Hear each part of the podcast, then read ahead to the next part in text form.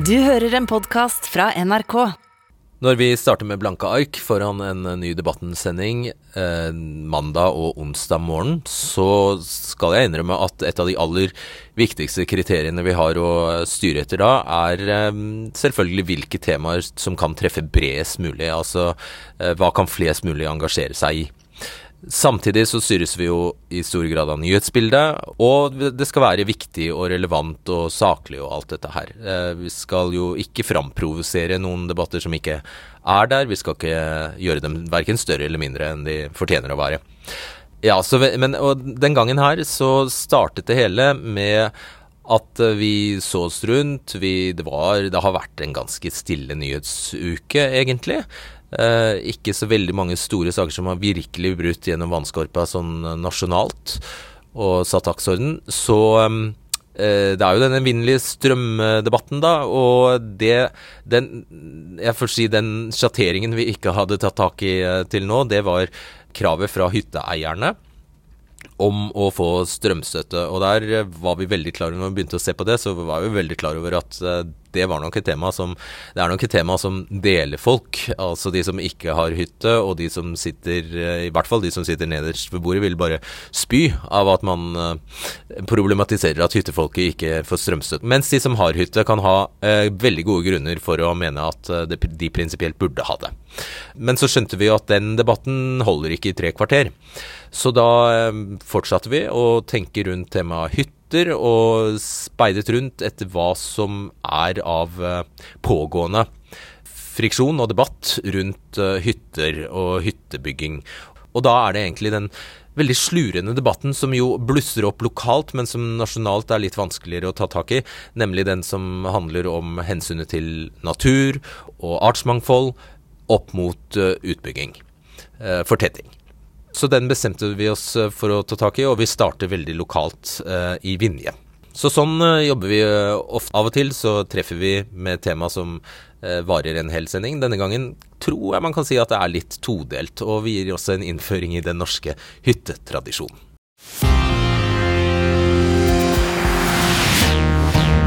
En halv million nordmenn eier hytte. Kanskje har så mange som halvparten av oss tilgang på hytte.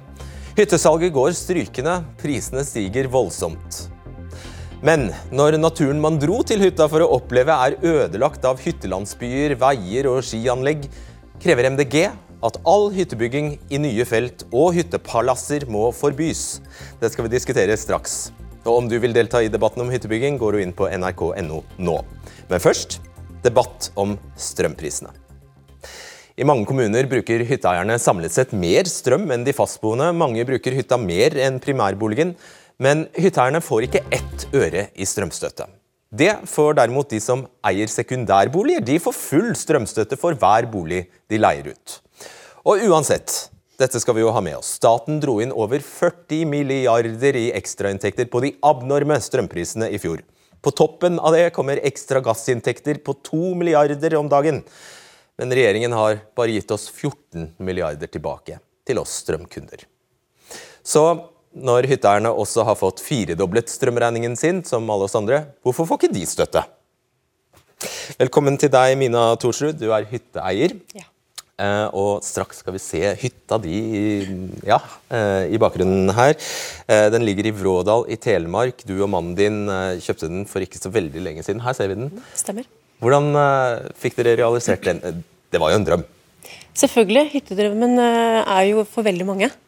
Uh, og vi er jo en helt vanlig gjennomsnittsfamilie med en helt vanlig gjennomsnittsinntekt. Og vi har også da klart å skaffe oss en helt vanlig gjennomsnittshytte. Ja. og vi har jo klart å gjort det også pga. at vi har valgt at vi leier den litt ut, slik at vi får finansiert den litt der også. Skjønner. Og ja, du sier det, det er ingen luksushytte. Den, på, den er rett over 80 kvadratmeter stor. Ja. Um, hvordan har strømregningene sett ut, da? Strømregningene har uh, vært uh, kunstig høye. Uh, det er strømmen nå som er den dyreste posten i vedlikeholds... eller i, i, budsjettet vårt. og det er klart at man legger opp et budsjett og når på en måte den går på tregangeren, så eh, betyr jo det at man er nødt for å gjøre noe tiltak. Ja, hva har du gjort? Eh, først, Hvor, mye, hvor høy ble strømregningen, og hva har du gjort? Vi har hatt strømregning fra eh, inkludert eh, nettleie. Eh, så har den ligget på mellom 4000 og 6000 kroner i måneden. I måneden. Eh, og vi, det innebærer da selvfølgelig at vi har hatt noe utleie på den, ikke hele tiden. Eh, og vi pleier som regel å ha i underkant av 2000 kroner i måneden. Ja, skjønner. Og når dere ikke er der, kan dere bare skru av alt av strøm da? Nei, det kan vi ikke. Eh, gjør vi det, så fryser jo vann, f.eks. Eh, det er jo slik at en hytte er jo ikke en hobby. En hobby kan du gjerne sette bort. Hvis det blir for dyrt, så kan du ta den frem igjen. En hytte den må på en måte leve. Og vi er nødt for å på en måte ha strøm på den. Det er et av hovedpunktene. Og Da kommer vi egentlig til hovedpoenget ja. her, og grunnen til at du er her. fordi du mener også nettopp pga. det du sa nå, at dere fortjener strømstøtte, dere også. Selvfølgelig. Eh, strøm er strøm, og hvor du bruker den strømmen, det må jo være ett og samme. Om du skal bruke den til industri, om du skal bruke den eh, i det private husholdninger eller på hytta eller andre steder, så er det den samme strømmen. Eh, og Derfor så mener vi at vi som har hytte, også burde på en måte få den støtten, som det blir kalt. Det er jo ikke en støtte, det er jo penger vi får tilbake. Eh, så jeg vil ikke kalle det for en støtte. Det er, eh, er, ikke det. Da tar vi det med oss. Eh, Trond Gullik Hagen, du er styreleder i Norges, Norsk, Norges, Norges hytteforbund. Eier selv en hytte på Kvitfjell. Og Du kaller dette forskjellsbehandling. Hvorfor er det det? Jo, Det er enkelt av den grunnen at sekundærboliger får strømstøtte, mens fritidsboliger ikke får strømstøtte. Og du kan jo si det sånn at De siste par årene så har jo fritidsboligen for mange vært en sekundærbolig, nettopp pga. pandemien. Og Når da strømmen øker i samme takt uh, som pandemien smitter, for å si det sånn, så, så blir det forskjellsbehandling i og med at du kan eie så mange boliger du vil, som enten er primær- eller sekundærboring, og få strømstøtte for samtlige, men du får ikke for én fritidsbolig. Og det, Vi mener jo det at eh, fritidsbolig er en del av husstanden. Og det mener, vil jeg anta at 500 000 familier som har tilknytning til en hytte, mener det samme.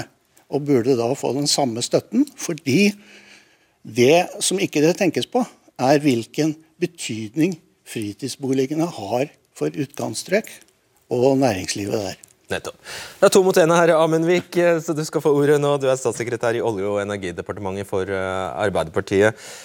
Her har eh, Mine og mannen helt vanlige inntekter. De realiserer den norske hyttedrømmen.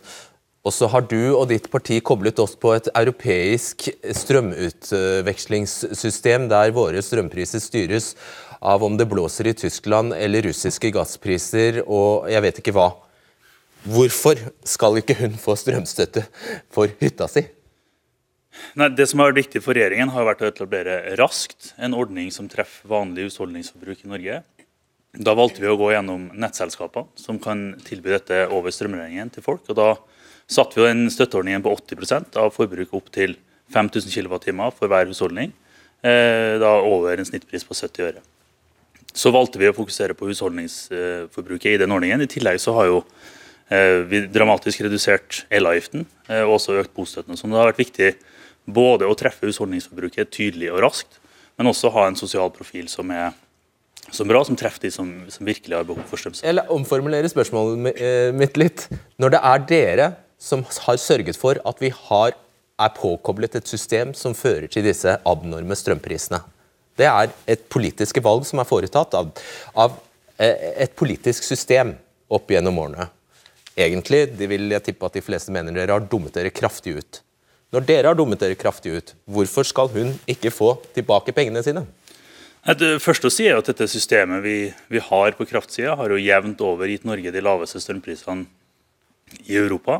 Også nå med svært høye priser, så er prisene lavere i Norge enn i landene rundt oss. Men prisene slik det er nå er jo en kjempeutfordring for vanlige husholdninger i Norge. Derfor har det vært viktig for regjeringen å komme raskt ut med en ordning som treffer vanlig husholdningsforbruk eh, på en måte som gjør at de kan eh, puste lettere og få betalt regningene sine. Så er det jo sånn at Med prisvekst på hytta på 7,3% så virker det jo som at hyttedrømmen i alle fall lever eh, i, i beste velgående, selv om vi forstår at det er utfordringer også i hyttemarkedet med, med strømprisene slik det er nå. Eh, hvorfor mener du at eh, da hytteeiere ikke skal få den såkalte strømstøtten? Eh, det er jo en type husholdning det også. Det er veldig mange som også bor på hyttene sine, og veldig mange bor der eh, veldig mye deler av året.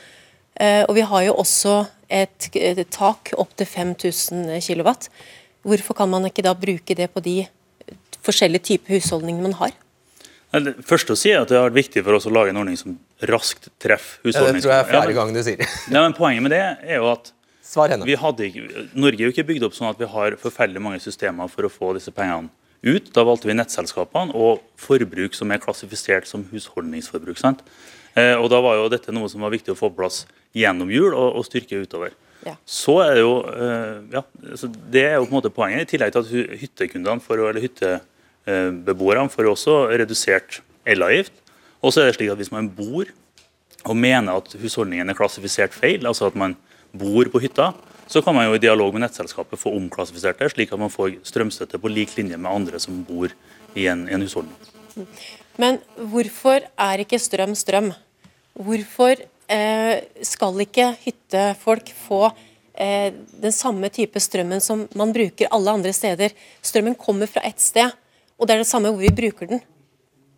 Ja, altså, eh, En husholdning er en husholdning i denne ordningen. ikke sant? At Hver husholdning får støtte, 80% over en snittpris på 70 øre. Ja. For forbruk opp til 5000. Det får jo alle, inkludert de som har hytte, har jo den eh, grunnstøtten på det forbruket man bruker Ja. i løpet av en måned.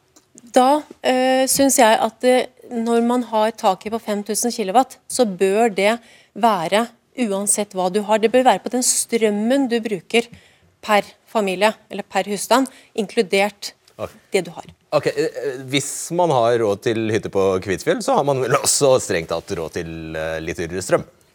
Eh, Det har du nok rett i, men eh, jeg må jo innrømme at eh, jeg bygde den hytta for eh, mer enn 20 år siden.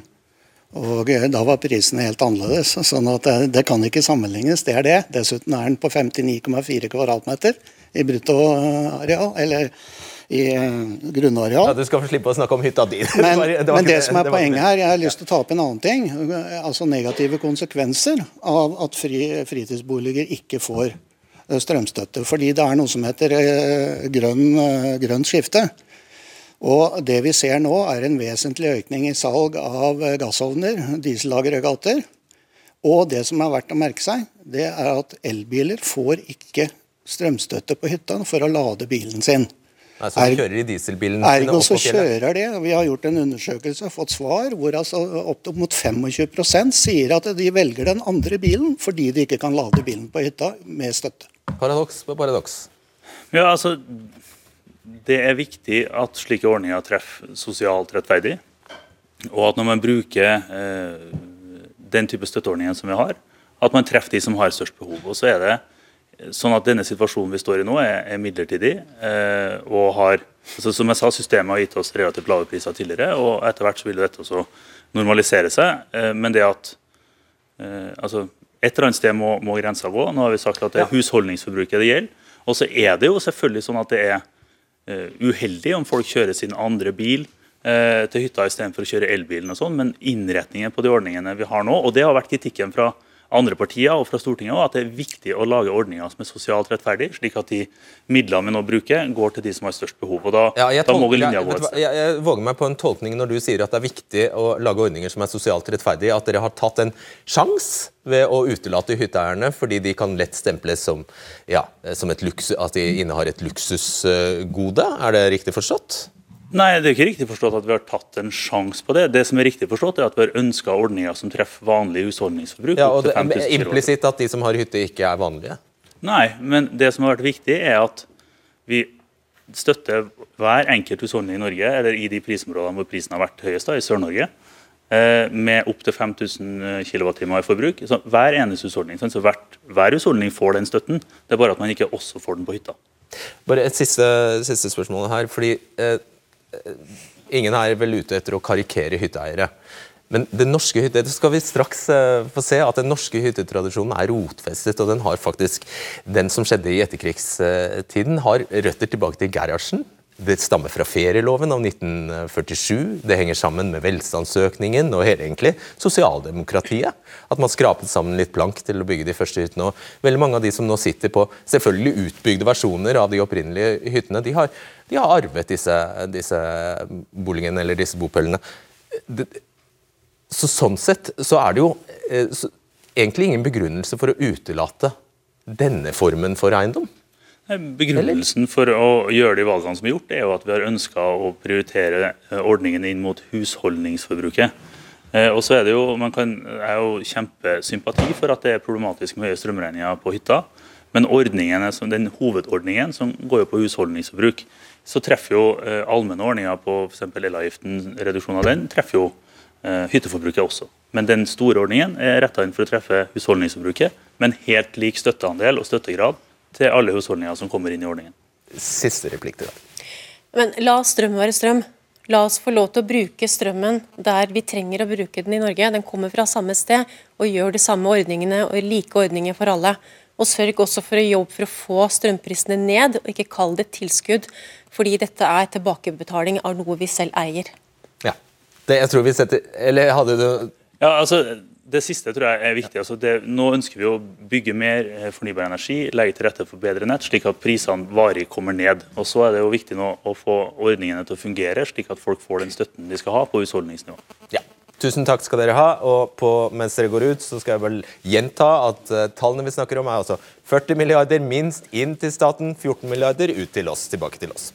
Å ha hytte er nesten synonymt med å være norsk. Uh, det er ikke jeg som påstår det. Vi har selvfølgelig med oss en hytteforsker som skal forklare oss nøyaktig hvor dype tradisjoner det, det å ha hytte har i Norge. Velkommen til deg, Finn Arne Jørgensen. Du er professor i miljøhistorie ved Universitetet i Stavanger. Er det særnorsk dette her å eie hytte? Jeg vil si ja og nei. Altså, nei fordi det er jo andre land som har lignende kulturer. Men ja fordi det, er, det har blitt en viktig del av det å være norsk, det å ha hytte og bruke eh, hytta. Altså en del av folkesjela, nesten. Mm.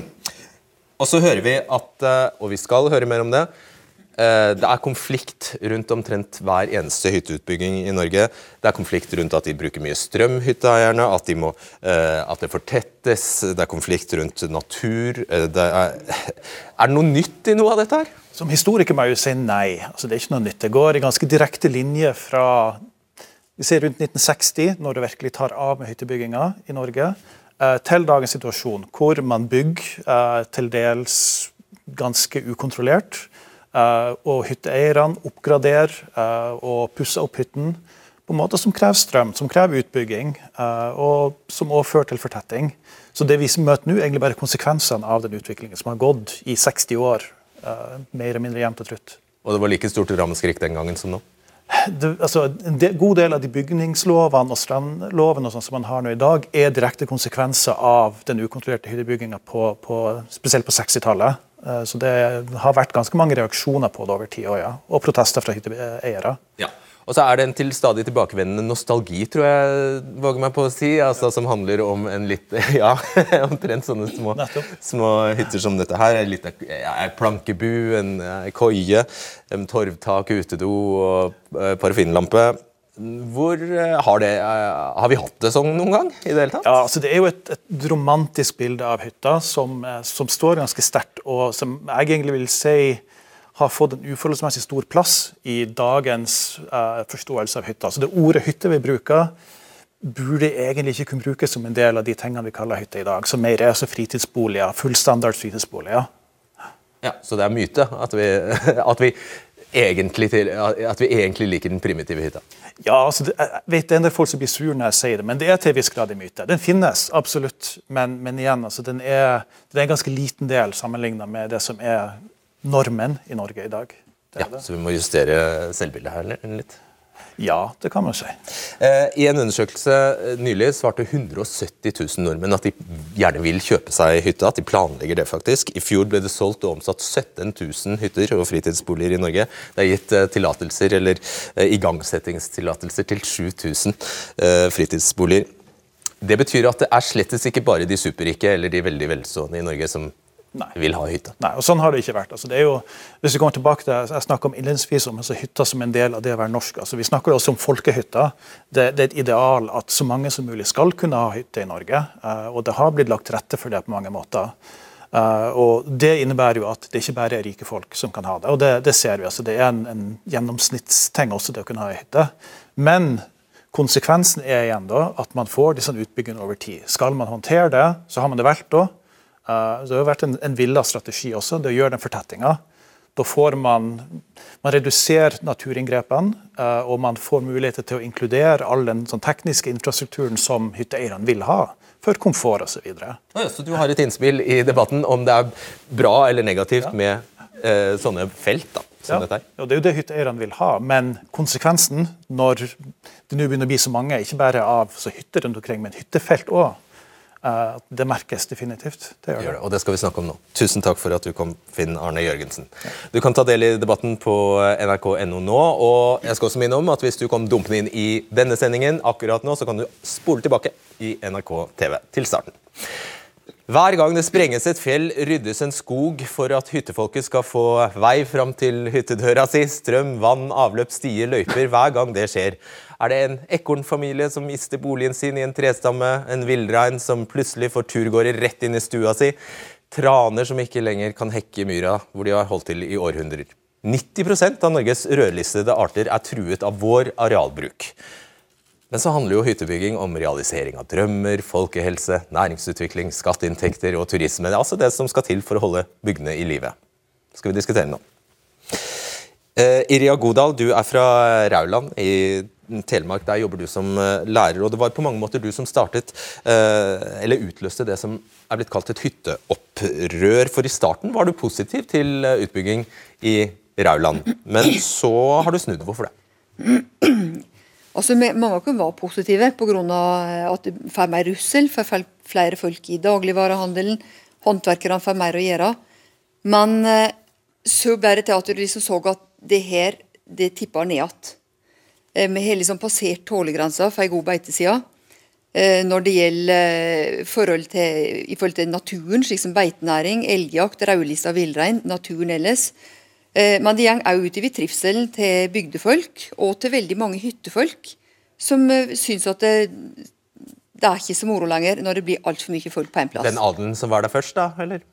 Eh, nei, folk som er kommet lenge etterpå der. Eh, og mange har jo f.eks. vært der i generasjoner i utleiehytter eller på hotell, og de kjenner ikke stedet igjen. Dette er Rauland, ikke sant?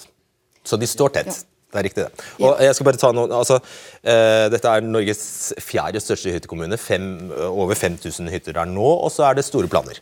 Ja. Eh, det er allerede godkjent 750 eh, tomter i den planen som er oppe til behandling nå. Men i tillegg så vil politikerne ha inn ytterligere 600. Og Det er altså tomter, det er ikke hytter. Det kan bli leilighetskompleks på veldig mange av dem. Og Det fører til at en plass som er pressa fra før, med veldig mye folk, den blir ytterligere pressa. Så hva, da sier du? Jeg sier at de må si nei. Eh, det er mange hundre eh, bygdefolk de har protestert, de skriver seg på underskriftslister. Eh, politikerne har sagt at de skal sette foten ned. Eh, men så snik de inn 600 til likevel. Å oh, ja. De snek det inn? Så eh, Hva er kravet ditt? Eh, fordi ordføreren, du, Vi har med ordføreren her, Jon Rikard eh, Kleven. Det er han du beskylder for å ha sneket inn disse 600? Ja, altså på en måte så er det jo det. De sier at dette her lå inne i planen fra før. Det er, ikke, det er mange måter å regne på. Det her vil jeg tro er Holtadalen på Rauland. I den gjeldende planen der er hele dette området her er satt av til skisenter og til en lite område med næringsutvikling, altså hytte utleiehytter og eh, kafeer. Så er det blitt 1000 hytter der det ikke skulle vært hytter i hele tatt. Og enda så snakker de om at vi ligger etter med 600 hytter, at det kan puttes inn. Jeg skjønner ikke at 600 minus 1000 blir noe annet enn minus 400. Nei, La oss prøve å oppklare det. Jon Rikard Kleven, du er altså ordfører i Vinje for Senterpartiet. Uh, og ja, du har sneket dette inn. Hva svarte du til det?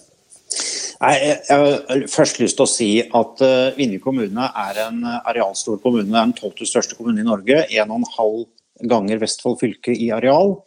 Og det er bare 2% som er regulert til ett eller annet formål. Altså hus hytter, industri, offentlig bygg, veier, vannkraftanlegg eh, også bortetter. Så jeg tror 98% av det arealet det er landbruk og utmark.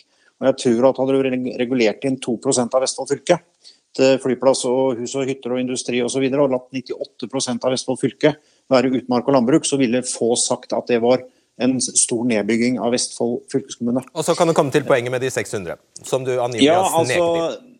Ja, det er ikke sneket inn. I dagens plan så ligger det uh, areal uh, som kan reguleres til 600 nye hytter. Så hadde vi ikke rullert planen, så er det det som er utgangspunktet. Nå rullerer vi planen, og så har politikerne sagt at som et signal til administrasjonen at når de utarbeider den nye planen under rullering, så skal det arealet ligge inne videre. Så Hvorfor gjør du det? På høring nå. Hva? Ja, eh, bare, eh, fordi, altså Planen er ute på høring nå. og vi skal bare... prosessen er like interessant Nei, for da, men, alle her. Men, men poenget er at planen er ute på høring. slik at ja. skal, det, Nå skal vi få høringsinnspill, og så skal vi ta stilling til det. Skjønner, Men hvorfor gjør du det? Når dere har så mange hytter fra før. 600 til. Nei, altså I næringsplanen til Vinje kommune så er reiseliv eh, hovedsatsinga vår. Og de eh, underkant av 6000 hyttene som vi har i Vinje kommune i dag, de legger igjen eh, i underkant av 300 millioner kroner i verdiskaping i Vinje kommune hvert eneste år, til glede for næringslivet og, og aktivitet i Vinje. Så det er eh, Alle kommuner har en eller annen fordel, og det, da gjelder det å benytte den. Dette er noe vi kan gjøre. Vi er ikke Asker kommuner, som har fordelen av å ligge ved siden av Oslo f.eks. Og der har vi jo kjernen i debatten, vel? Eh, ja, altså eh, den, de 300 millionene. Jeg leser òg det som står med liten skrift i den rapporten. Eh, og Der er det regna ganske kreativt. Eh, de har ikke gjort egne undersøkelser i Vinje kommune. De baserer seg på undersøkelser andre plasser, i tillegg til samtaler med aktører i markedet. Og Da har jeg snakka med f.eks. Eh, fire stykker borti Vågsli-Haukeli-området, og de har vært ganske edruelige i sine uttalelser. På Rauland så snakka de med én en eneste en, og det er en utvikler som kommer fra Skien, også som skatter til Skien, og som har store interesser av å blåse de tallene opp. Så de, de tar litt ikke meg ut. Unnskyld at jeg sier det, men det, hvis det her stemmer, Kleven, så er det jo Ja, da er det kokelemunke? Ja, hvis det bare er kokelemunke, så er det jo fælt. Uh, ikke bra i det hele tatt, det. Men uh, her er det da ganske mange kommuner, hyttekommuner som har gjort lignende undersøkelser. Eh, og, og, og, jeg tror det er mange som ligger på sånn røftlig at en aktivitet fra en hytte legger igjen 50 000 kroner i kommunen hvert eneste år. Og så er det ikke noe to streker under det svaret, og det er sikkert noe anslag og noe her og der. men det å uh, si at det ikke uh, skjer verdiskaping og skaper arbeidsplasser av det, det, det er litt rart. Men hvilken bit av resonnementet er det Godal ikke skjønner, da? Nei, jeg tror hun forstår veldig mye, og hun uh, har en, en, veldig legitim grunn for ikke å ønske mer hyttefolk. For hun syns det er nok trafikk og nok folk i utmark, og det er flere som mener. Og så er det andre som mener det motsatte, og ikke syns dette er noe utfordring, og at en kan bygge mer hytter. Så jeg sier ikke at Irja Godal tar feil. Uh, det er momenter som vi skal ha med oss i diskusjonen videre. Når sier du stopp? Nei, Vi har sagt nå kommunestyret at Eh, til næringslivet at det, det, som kommer inn i den planen nå, det er det siste vi kommer til å legge inn. Og Det er et uh, eh, samla kommunestyre som diskuterte, og det var for å prøve å få uh, et vedtak som står seg litt over tid. Okay. Jeg har litt lyst til tilbake til den der 2 med at bare 2 er bygd ned. Nå er det slik at FN de sidestiller klimakrisa med naturkrisa. Dette tiåret her, det er sett av for et tiår for naturrestaurering. Vestfold og Telemark fylkesting de har sagt at vi skal være arealnøytrale innen 2030. Det vil si at hvis vi da tar et eh, naturområde og bygger på, så skal vi tilsvarende restaurere et annet område. Og Hvis vi da skulle sette av så mange hundre og tusen, altså det er snakk om 50 000 hytter som er planlagt, eller tomter som er planlagt bare i Vestfold Telemark fylke, hvis alle de skulle bygges etter 2030, sier da, så må vi jo skal vi utslette da, av det som finnes. Der tok du oss egentlig inn i det som du mener da fortjener å bli debattert på nasjonalt plan. ikke ja. sant? Eh, jeg sier tusen takk til deg, Jon Rikard Kleven, for, at du var med oss. Tallene fra Eiendom Norge bekrefter for så vidt at dette er noe vi bør diskutere i hele landet, for prisene for fritidsboliger steg med 7,3% i 2021. Gjennomsnittshytta i Norge går nå for 2,7 millioner kroner, og det er solgt og omsatt som jeg sa i sted, om lag 17 000 hytter i Norge i fjor. Størst er veksten for dyre hytter, over 5 millioner kroner. Og de som har råd til og vil betale så mye for en hytte, har blitt dobbelt så mange siden 2019. Da skal jeg ønske velkommen til Arild Hermstad fra MDG, utbygger Stein Plukkerud, Birgit Oline Kjærstad fra SV, Hanne Alstrup Velure fra Høyre, håper jeg at det sånn cirka rett, og Per Martin Sandtrøen fra eh, Arbeiderpartiet Senterpartiet, står det. Arbeiderpartiet står det, eller Senterpartiet. Sånn skal det være. ok. Um, jeg tror jeg starter med deg, Stein Plukkerud. Du er utbygger fra Øyer. og Ditt første prosjekt var Hafjelltoppen uh, i Øyer kommune, som du bygde i 92? Ja, det er riktig. Jeg deltok i utbygginga i Hafjelltoppen i 1992. Og Siden har det vært en helt eventyrlig utvikling. Eh, du har vært med uh, sysselsetter 170 uh, mennesker, er i gang med å bygge 800-900 hytter rundt omkring i landet nå. Fortsatt, Men du holder deg på Innlandet stort sett, eller? Ja, altså, vi har jo litt forskjellige aktiviteter, så i Hafjell så er det liksom viktig å sortere ut litt hva de forskjellige aktivitetene egentlig er. For i Hafjell er det en destinasjonsutbygging. Det er et uh, reiselivsutviklingsprosjekt som er helt annerledes enn mange av de hyttefeltene som vi bygger hytter på rundt omkring i Norge. Uh, jeg er jo også aksjonær i et, et, selskap som bygger veldig mye hytter.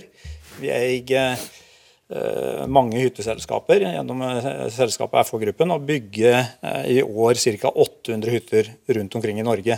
Så, så og så er det en, eh, Jeg skal også legge til at du sitter i kommunestyret for Senterpartiet. Det, ikke sant? Eh, hva hadde Øyer vært uten deg? Ja, Da hadde helt sikkert Øyer vært akkurat det samme med en annen som hadde gjort det som jeg har gjort. Så, så, så, så jeg tror ikke det er noen forskjell på det. Hvordan tar du hensyn til det Irja Godal snakker om her? At hvis du bygger et sted, så, må, så fjerner du rett, rett, og slett natur? Altså, eh, i, i, i Norge så har vi jo kanskje et av verdens strengeste planregimer. Eh, så når vi skal bygge ut, som ordføreren fra Vinje sa, så, så starter vi med en kommunedelplanprosess, eller en kommuneplanprosess, hvor du får gjort eh, forhåpentligvis da, et godt stykke arbeid. og Bl.a. så konsekvensutreder du jo konsekvensene av de prosjektene du tenker å bygge ut. Så, så jeg tenker jo at alle disse spørsmålene som dukker opp uh, i forhold til ulemper For det er jo noen ulemper som skal vektes mot fordelene. Alle disse ulempene blir jo grundig konsekvensutreda. Og, og, til slutt så er jo politikerne som, som beslutter å fatte endelig vedtak om du skal gjennomføre utbygginga. Det er demokratiske prosesser, og det er utredninger. Uh, Arild Hermstad, du er eh, nestleder i eh, MDG, Miljøpartiet De Grønne. Uh, det står i deres partiprogram uh, infrastruktur som vann, strøm, kloakk og vei skal ikke tillates for hytteområder hvor dette vil kreve nye skadelige naturinngrep eller gå på bekostning av viktig beitemark. Hva ville det ha hatt å si for plukkerhusprosjekter? Han bygger jo helt nytt og i nye områder, stort sett. Og det er vi heller ikke veldig glad for. Men så er vi jo deler av det som går på fortetting, altså f.eks. For å bygge leiligheter sentralt eh, der det allerede er utbygd, eh, det mener vi er akseptabelt. Og så mener vi at vi må sette ned foten for videre hyttefelt i Norge. Rett og slett fordi at nå har vi bygd ned så mye natur. På de siste ti årene så er det hyttebygging som står for 25% av nedbygging av norsk natur. Og man hører jo alltid dette argumentet om at vi har jo så mye. Men vi hadde altså 50 urørt villmark for 100 år siden. Nå er det på 11,5% Det går stadig nedover. Og det som er igjen av uh, vill natur, det kan vi egentlig, uh, som Dag Hesten sier, dette er som øyer i et landskap redusert og markspist av veibygging, flatehogst, drenering og hyttefelt. Uh, og et eller annet sted så må vi altså si stopp, og vi mener at vi har kommet langt nok på den retningen nå. Svar kort på det. Altså... Det var jo bra at du tok med at det er egentlig eh, den overordna nasjonale infrastrukturen som står for mesteparten av inngrepene og har skapt eh, få inngrepsfrie soner i Norge. Da. Fordi at det er egentlig motorveier, kraftledninger eh, og annen offentlig infrastruktur som har tatt i bruk mest areal, hvis du skal, hvis du skal betrakte det ut ifra dette med inngrepsfrie soner. Hanne Alsrup Velurød du er leder av uh, Utmarkskommunenes sammenslutning, og så er du sentralstyremedlem i Høyre. Jeg tror du må forklare hva det første er for noe først. Det er da 100 kommuner som eh, ivaretar kommunenes interesser i alle utmarksspørsmål, og også jobber for at det skal være bærekraftige samfunns- og næringsutvikling i disse kommunene. Og Vinje er en av medlemskommunene. Vil du forklare unge seere hva utmark er? Utmark ja, det er alt som ikke er definert som innmark. og det er ca. 97 eh, av Norges fastland som faktisk er definert som, eh, som utmark. Ja, det er mye. Der, der det er vilt, da. Ja, okay. det kan man si. Eh, bør alle som vil få bygge hytte?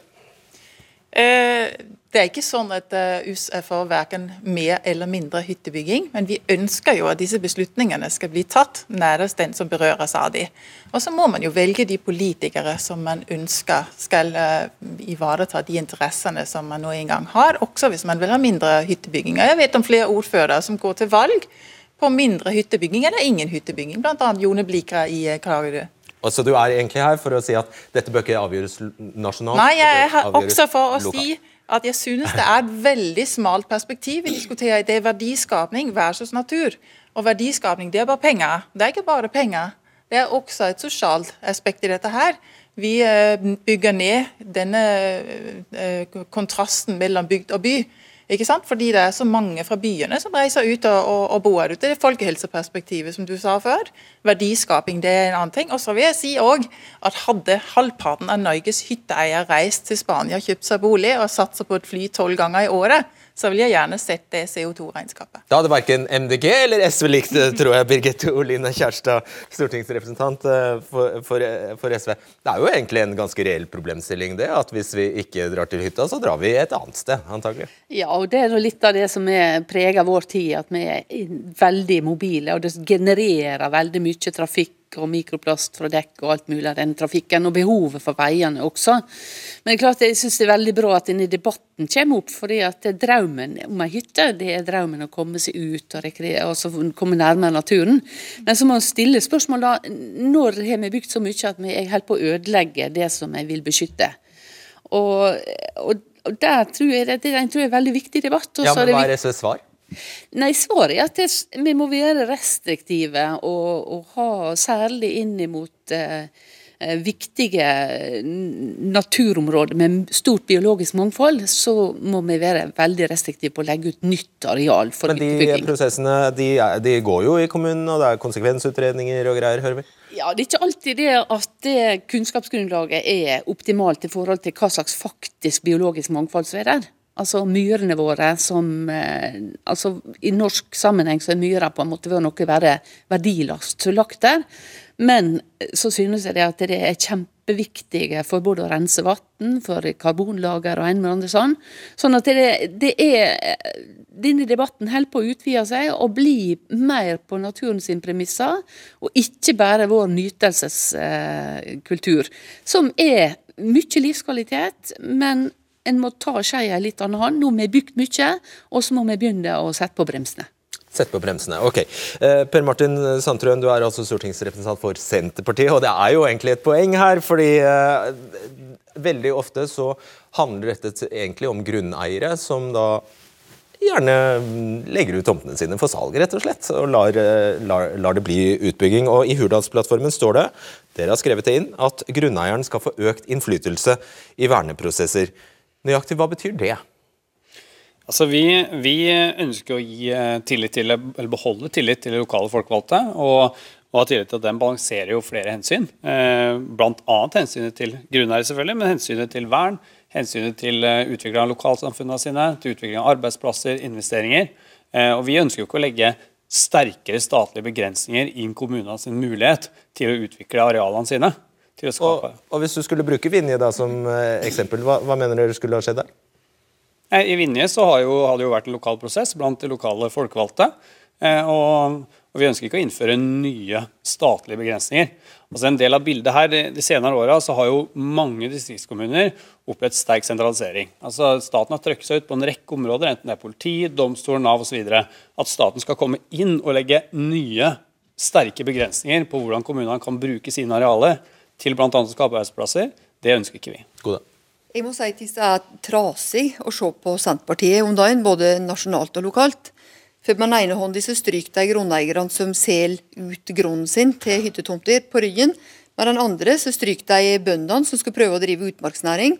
Og så leter de som de ikke ser at den ene sparker beinet under den andre. Eh, og hvor ble det av det gamle Bondepartiet?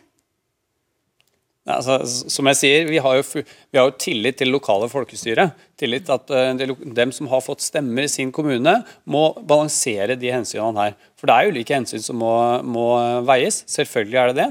Men det, de beslutningene mener vi tas best eh, lokalt. Og så er det jo ikke sånn at det ikke er begrensninger i dag. Du har jo mange store nasjonale villreinsområder. Du har jo fått mange nasjonalparker. Vi har et system og, og regulering i dag. Her, her sier jo Sandtrøen et uh, Interessant at du nevner villrein. Uh, villrein har havnet på rødlisten uh, i Norge. Den er nær truet. Den er på global rødliste. Og den største trusselen mot villreinen er at vi presser hytteområdene lenger og lenger inn i der eh, villreinen eh, lever. Det gjelder f.eks. i Rauland, hvor man enten legger det tett inntil villreinområdene eller mellom villreinområder. Eh, og det er jo en del av den naturnedbyggingen som vi må ta inn over oss. Og så er det jo viktig å si veldig mange kommuner får en regning som kommer etterpå. Plutselig skal man ha mer ferskvann til alle disse hyttene.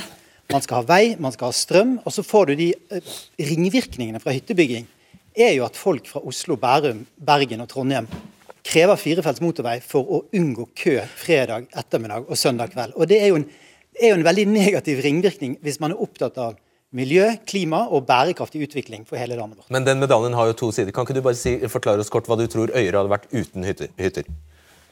Altså, som jeg sa i stad, så er jo eh, hyttebygging en del av reiselivssatsinga i Øyer.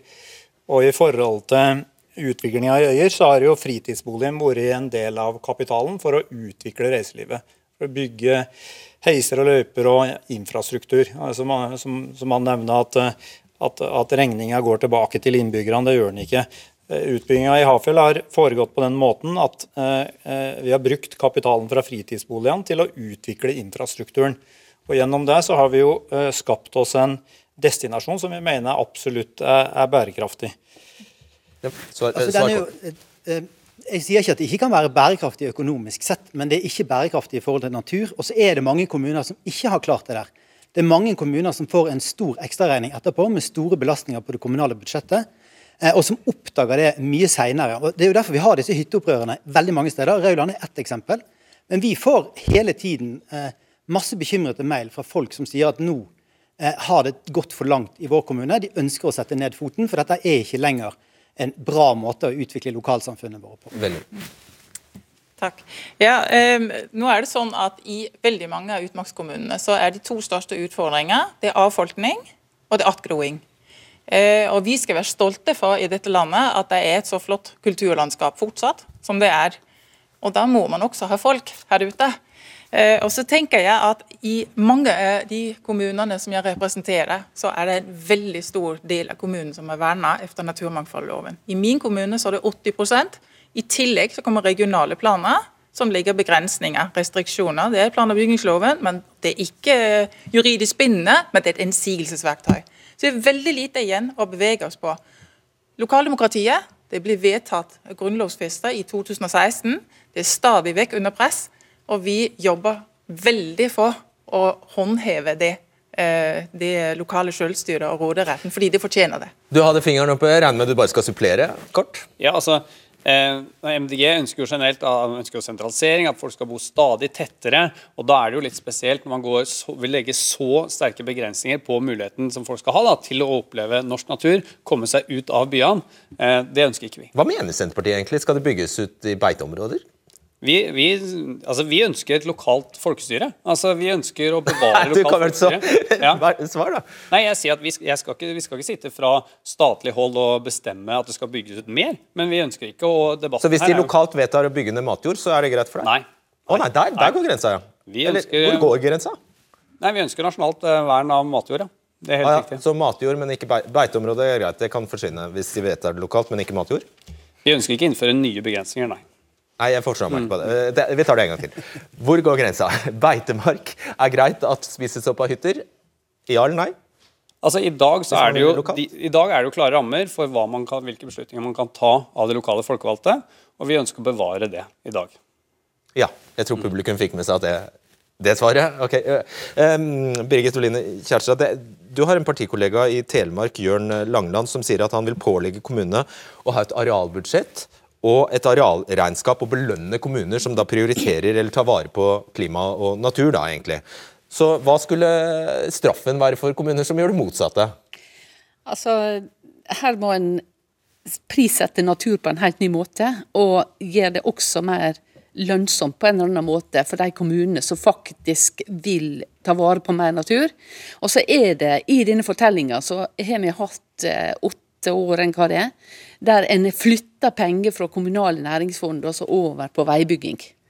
Og eh, den Ja, men altså, samfunnsutviklinga merker jeg at du begynner å snakke om noe annet. Bare, Ja, hva, ja. hva, liksom, hva, kan, hva kan hyttekommunene, og de er jo mange, hva kan de vente seg av pisk hvis SV får det som de vil? Nei, vi skal ikke piske, men vi må, vi må sette større pris på naturen. Og så har vi bygd de hyttene vi har bygd nå. Men vi må forvalte dette arealet her i et tusenårsperspektiv. Og skal vi fortsette sånn som vi gjør nå, og kapitalisere Det er ofte grunneiere som bor en helt annen plass enn en i den kommunen. Og det er ofte misforhold mellom de som faktisk bor der, og de som vil ha dette her som en lekeplass. Okay, så skikkelig distriktsutvikling må til. Du reagerer på lekeplass? Nei, lekeplass det er det ikke. Man bor der. Det er sekundærboliger. Det er flere og flere som nyter veldig godt, og det skal vi være glade for. For vi trenger faktisk eh, folk her ute, og humankapital. Og jeg regner, Du har vel bare god samvittighet? Jeg har forholdsvis god samvittighet. Vi har alltid fulgt de rammer og retningslinjer som myndighetene har lagt, og det har vi tenkt å gjøre i framtida også. Men det er jo et veldig relevant spørsmål å stille eh, om, du, om du skal fortsette på samme måten. Og på samme måten er jo en måte som vi har drevet på i veldig mange år.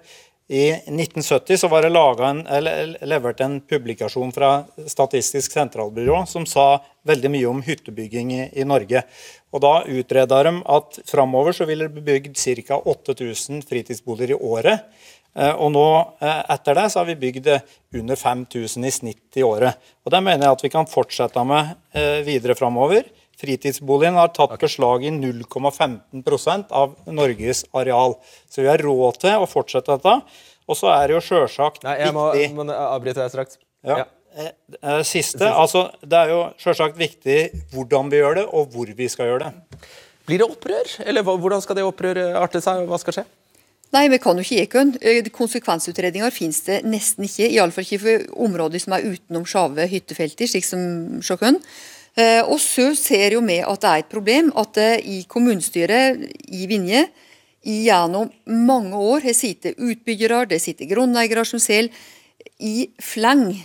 Og det skjønner jeg at det gjør i Øyer. Og da eh, Altså, hvordan skulle du plassere bukken rett inn med havresekken og tro at dette går bra? Det var en fin slutt.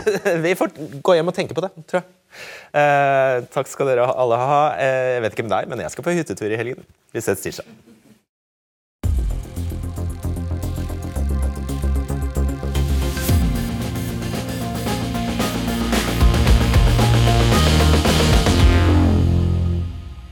Det gir meg en god del å ha debatter og fylle studio med mennesker som ikke er durkdrevne fulltids-rikspolitikere.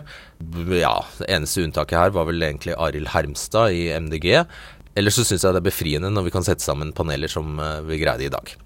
Ja, jeg tror jeg nøyer meg med det, og så ser jeg bare på gjenhør. Ha det bra. Du har hørt en podkast fra NRK. De nyeste episodene hører du først i appen NRK Radio.